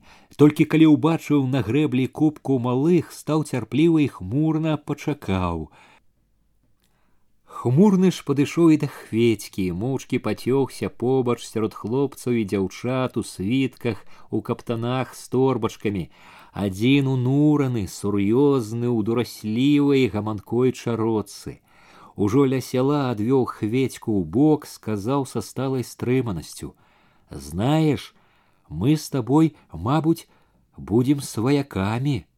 Хведька шмаргануў чырвоным з чарнільнай плямай носам, чаму это? Васіль праганяе маню, Ганну вашу хоча ўзяць за жонку. Хведька толькі зірнуў заклапочна. А як жа яўхім яе? Яўхіма яна, мабуць, кіне. О добра, сказаў хведька. Володя як бы прасіў парады, помачы, прызнаўся невесела. Добра то добра, ды яна не хоча, маня, плача. Ну і няхай плача, просто рашыў хведька. Володю не вельмі ўсцешыла гэта рашэнне, але яму ўсё ж стала спакайней. Раптам найшла вялікая любасць да хведькі. Абодва любілі адзін аднаго ў гэты момант, як ніколі, пяшчотна, моцна, шчаслівыя, блізкія, як ніколі ішлі ў сяло, родныя ўжо можна сказаць, людзі. Калі хведька пайшоў у хату кінуць торбу з букваром і сшыткам пад'есці, володька астаўся чакаць на выгане. Баяўся што матка затрымае прыяцеля не пусціць. Але хведька хутка прыбег. Удваіх поўныя радасці неспадзяванаму свайму сваяцтву шасталі па хмызняку па прыгуменнях пакуль не разлучыла холодная цемра. Дома ж калі володька залез под коўдру ледзь улавіў манены ўздыханні ды хліпы нядаўняя радасць ураз растала узяла зноў вялікая маркота лёг на душу жаль як ніяк шкода вельмі яе мані спачуваючы ёй шчыра прагнучы неяк памагчы володя падумаў разважна. А чаму б не зрабіць так чтоб і яна маня не ішла з іх хаты нікуды, і Ганна, чтоб жыла тут з Васілём, калі ўжо ім абедзвюм з Васілём быць хочацца. Услед за гэтым падумаў: Чаму, канешне, у кожнага по адной жонцы, уздыхнуў сам сабе. Карміць, мабуць, дваіх не накорміш. Амаль тады ж, калі сышоў з двара володя, дзед дзяні з вінаватым лагодным выглядам, з лутавым карцом мёду паклыпаў к пракопу. Вярнуўся ён поцімкам стомлены і ціхі. Васілёва маці, што чакала яго ля варот, хоць пачула, што невясёлы ён не ўтрывала, што яны, што Яна тым часам нічого, мірно. Ён пракоп як камень, слова не выціснуць. Злы вельмі. Убачыў потімках Васілёву постаць, цвёрда пайшоў да яго, заявіў строга: « Жаніўся тым часам, дак аднаго дзяржыся. Хваціць бегаць. Васіль павярнуўся, моўчкі падаўся ад яго. Тое, што здарылася ў гэты дзень, Васіля нібы не вельмі ўразіла. Бяда, нявідная другім, вярэдзіла ж яго ўжо не адну ноч, не адзін дзень. Нялёгка было чуць таіць яе ў душы, ведаць, што ў любы час яна можа выплыць, што спакой і дабрабыт яго такія нетрывалыя. Цяпер, калі адкрылася ўсё, была разам з супярэчлівасцю розных нядобрых пачуццяў нават нейкая палёгка, няма ўжо чаго таіцца, чакаць з запаскай, трывожыцца. У даўняй супярэчнасці пачуццяў найбольш пякло адчуванне як бы наўмыснай няскладнасці жыцця якое вечна блытала нібы цвёрдыя надзейныя разлікі, нібы знарок абдзельвала шчасцем. Убіраўся ў сілу, лес, дзёрся у парта безупынна дня не было такога каб ранкам днём вечарам не рабіў чаго для гаспадаркі не поўніўся няўціхным клопатам аб сваім дабры лес дёрся, радость, здаецца, павінен быць бы. Тешыцца, здаецца, трэба было па дно. Збывалася ўсё, што хацеў, пра што марыў, гаспадаром станавіўся, не абы якім, спраўным, зямлі пабольшала, пабольшала ў гумне і ў клеці, конь, карова, не сорам і перад людзьмі, хата расце, цесься ды радуйся а радости, а счастья полного не было. Дзіўна абыходзілася с васілём жыццё. Ти так уже на раду яму напісана, адно ладзіцца, адно цешыць, дык другое бы на зло этой радости, бы знарок нішчыць его утеху другим, канешне, можна і не паказваць гэтага, а сам жа ад сябе не ўтоіш, не шукаеш самога сябе. Ці ж такую трэба жонку, Не тое, што не да душы, злосць век бярэ на яе маруду, цяльпуху, няўдача, а не жонка добро добром а толькі ж і добро не все счастье, за няўдаліца и добро неяк не цешыць часам. Ты горы ты рвися день а до дня с темна до темна ай-ой хоть бы что другая дыкі дома упорается и скотину покормить и человеку прыбяжыць поможа угумнець у поле а гэта Каб не матка яго, дык і ў хаце прапала б адна. Жыве, не жыве, а нібы спіць, ходзячы, робячы. Э так і хочацца ўхапіць, зрабіць за яе, глядзець на яе нудна. Колькі разоў, асабліва ў пачатку, пакуль не прывык, не сцярпеўся трохі, успамінаў з жалем Ганну, Ноччу дык доўгі час проста бачыў яе з сабою, просто прымірыцца не мог, што жыццё так перакруціла мары спадзяванні.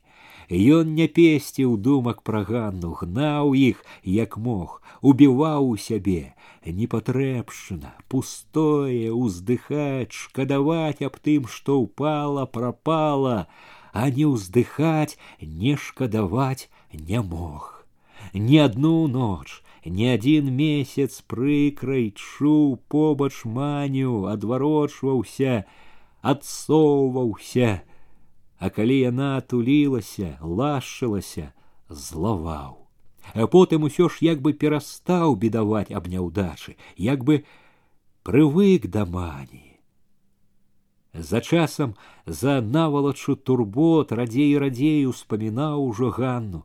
Можа, і зусім перастаў бы згадваць, калі б не тая сустрэча на бульбяным полі, не спатканне ў потімку ля гумна, калі б не ганенна шчырасць, не бяда яе, свая бяда, калі б усё не ажыло раптам, не запякло зноў, ажыло, запякло ды з якой сілай. Яшчэ адно даўно ўжо хмарыла шчасце, бясконцыя сходы, абы сабралі пра калектывы калгасы, думаў, што не паддасца уговорам, абяцанкам, будзе трымацца свайго добра, хоць бы што не дасць крыхоткі адной, а спакою пэўнасці надзейнай не было. Лес пяўся колькі змогі зладжваў будыніну свайго шчасця бервяно за бервяном, плашку за плашкой, паплецінку за паплецінкай складваў, стараўся. А будыніна крывілася, хілілася, готова была ў любы момант разлезціся, разламацца. Не было грунту асновы добрай у будыніны, кволай, няпэўнай будыніны яго шчасця. Цяпер нетрываласць гэта чулася як ніколі. Ці хадзіў, паіў каня, ці карміў карову, моўчкі, унурана думаў аб няскладнасці, крыўднай несправядлівасці жыцця, думаў без вялікага бедавання, з нейкай стомленасцю, нават нібы абыякавасцю, Маня, збітая тым, што адкрылася, нічога не рабіла па гаспадарцы. Васіль рабіў і за яе. Як праз туман да Васіля даходзіла, яна не кляла, не папракала, адно хліпала і хліпала, аднастайна, нудна. У яго не было ні шкадавання аб ёй, ні шкадавання за тое, што гора гэта ад яго. Абыякавы быў да яе, абыякавы быў і да яе скрухі. Ні жалю аб ёй, ні шкадавання за свой учынак не было і тады, калі ўночы ляжалі побач, звыклыя ў галаву ішлі клопаты аб скаціне, аб няскончанай хаце, плынь думак гэтых увесь час перарывалі то ўспаміны развагі пра ганну, то згадкі пра апошні дзень, бугай паганы укалоў як. Пракоп Марудаш аж дайсці не мог доўга што рабіць, сядзеў усё, моўчкі цюкаў.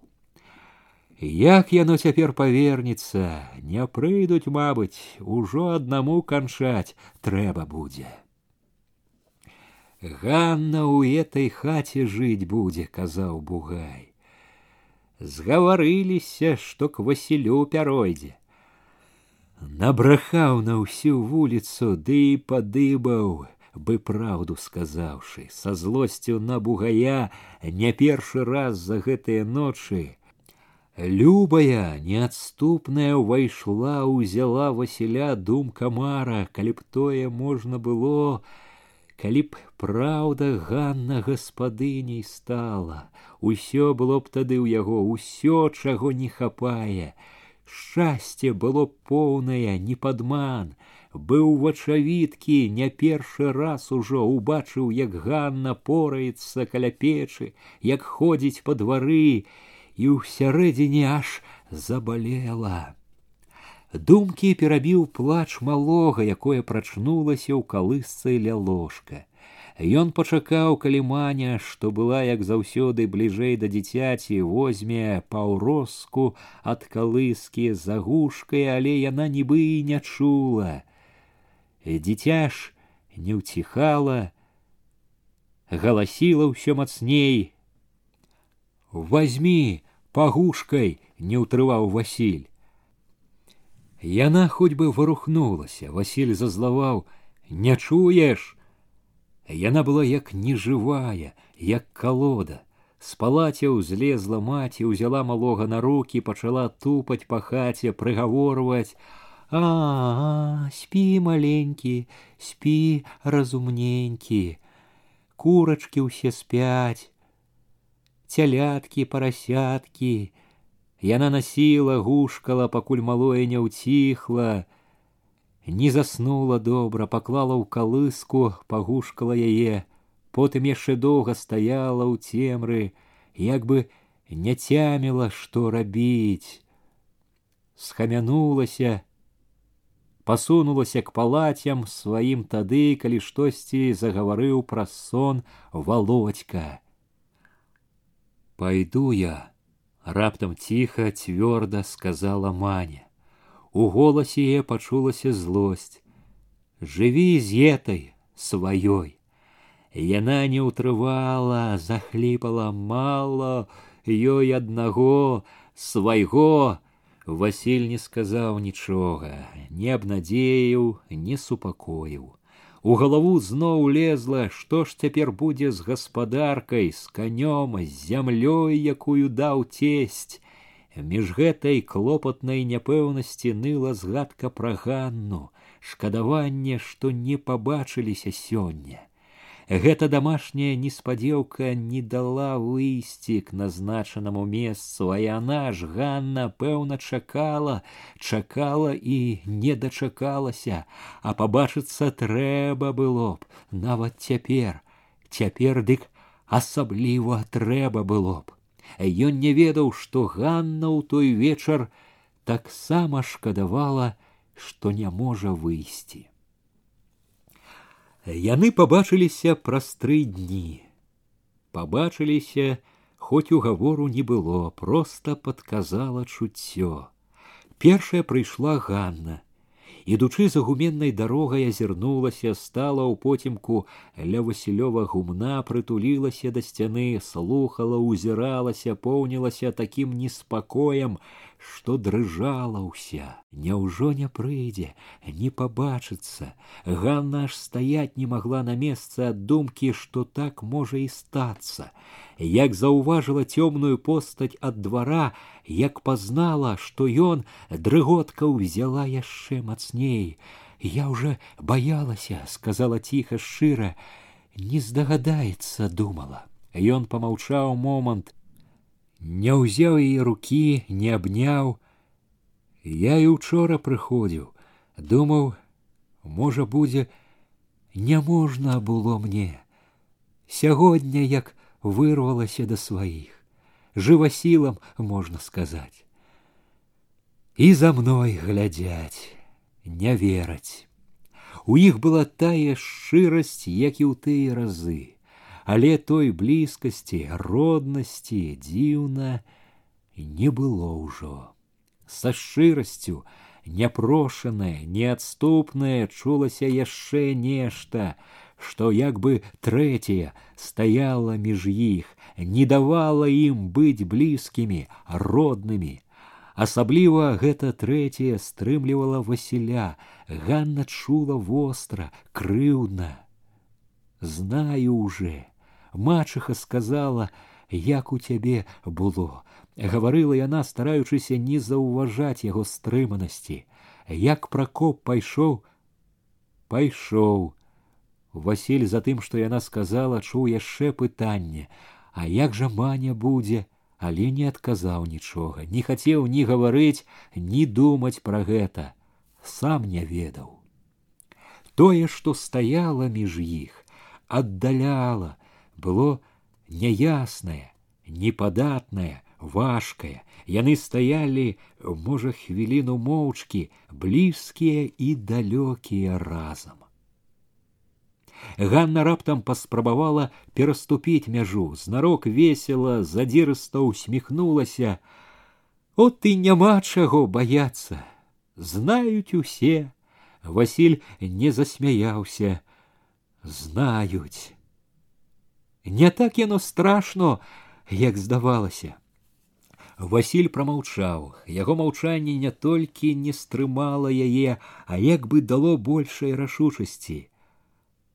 Пацярплю яшчэ трохі, сказала яна аж дзіва лёгка, а там Васілю здалося, Ганна вось-вось засмяецца, ён хмурно пацікавіўся. Што там? Кіну ўсё хай яно згарыць. Як прадаўно абдуманая сказала ужо без смеху: « Пайду, куды это? Хоць куды, куды вочы глядзяць. Сказала, надумалася і пайду, толькі таго і свету, што курані, як прападаць тут век, дак мо знайду што. Яна гаварыла ўсё гарачэй, сур'ёзна у мазыр пойду, а мой и далей, абы бы далей отсюль, чтоб карчоў і духу не было, і не відно і не чутно Ганна раптам дадала шчыра: От кеп ты быў. Яна не толькі хацела гэтага, яна быццам пазвала, так гэта было сказано. Васільчук сказала пра яго не так сабе, не выпадкова думала пра гэта. Яму стала хораша, радасна. Момант было адчуванне шчаслівай, вялікай блізкасці У свеце было толькі яго і яе шчасце. Не бойся, нічога не бойся, як бы чуючы яго настрой, казала яна. Это толькі зразу асмеліцца страшно, а там добра будзе, пабачыш, ці мы паны якія, з чужога жыць прывучаны з малку, руки е рабіць умеем, не прападзём нідзе, пабачыш. Что я кажу, не пропадем, жить будем, як никто не живе тут. Назайздрасць жить будем у двоих дружно, счастливо як никто. Я ж тебе так люблю, так любить буду век, родный, милый мой Василечек. Ніколі нічия душа не хвалявала Васіля так, як я ел той вечер. Николи никого не любила Ганна так, як яго у тым халодным, беспрытульным потімку каля гумна. У беде у роспачы, Васіль быў ганне няпроста любым, быў надзеяй, ратункам, быў тым жыццём, да якога яна рвалася. І яна Васілю была тым шчасцем, якога яму так не хапала заўсёды яе гарачы шэпт, яе рашучасць глушылі заўсёдную васілёву разважнасць момант была дзіўная лёгкасць, чуў вясёлую волю ў сабе, нібы ўжо ішоў разам. Усё ж больш са звычкі стрымаў сябе. Не так это просто. Просто непросто, а не трэба баяцца. то адважыцца толькі страшно, а як адважыся, лягчэй, страшно толькі пачаць, а там лягчэй будзе, пабачыш, не век жа жыць, не любячы. Што б любіў, тады б другое было, а як не любячы, дык чаго баяцца. Чаго шкадаваць тых кароў, той хаты, які ў іх толк, як терпіш толькі адзін аднаго. любовь буде ўсё нажывецца і не на гора на радость усё на радасць будзе. Яна раптам оборвала свой шэпт порывисто ступила да яго абхапіла руками за шыю прыціснулася так что ён пачуў усю яе ад гарачага лба да дужых ног. Хвіліну стаяла так як бы перадаць хацела ўвесь огонь сваёй души усю адвагу. Адарвалася так же резко, сказала тихо. Не, конечно сразу рашаць. подумай як надумаешься дай знак. Апошнія словы прамовіла спакойна, неяк деловито павярнулася твердо худко пошла у Темру загуменной дороги Васіль постоял трохи падаўся паволі к двару, Ці стаяў потым ля паветі, ці ляжаў на палацях згадкі, думкі аб спатканні з Ганнаю, аб тым, што яна гаварыла, важка варочаліся ў галаве вярэдзілі душу з нязнанай горыччу.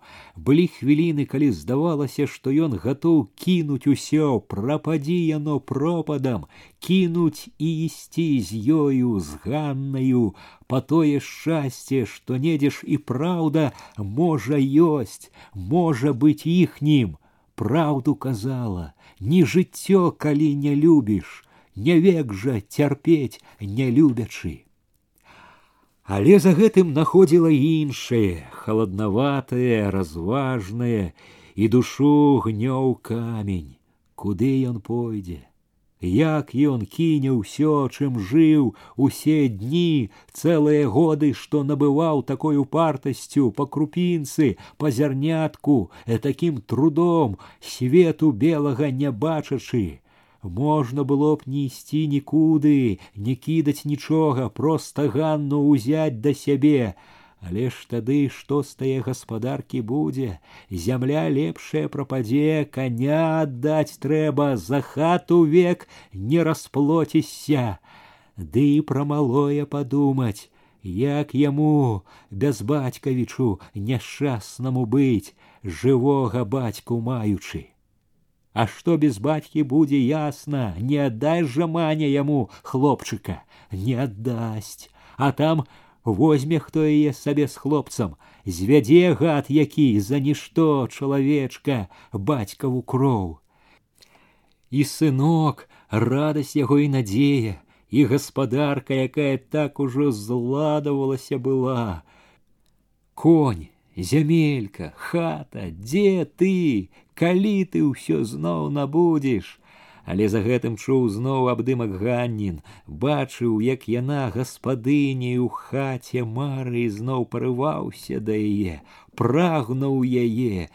Вялікія непрымірымыя імкненні рвалі Васілёву душу.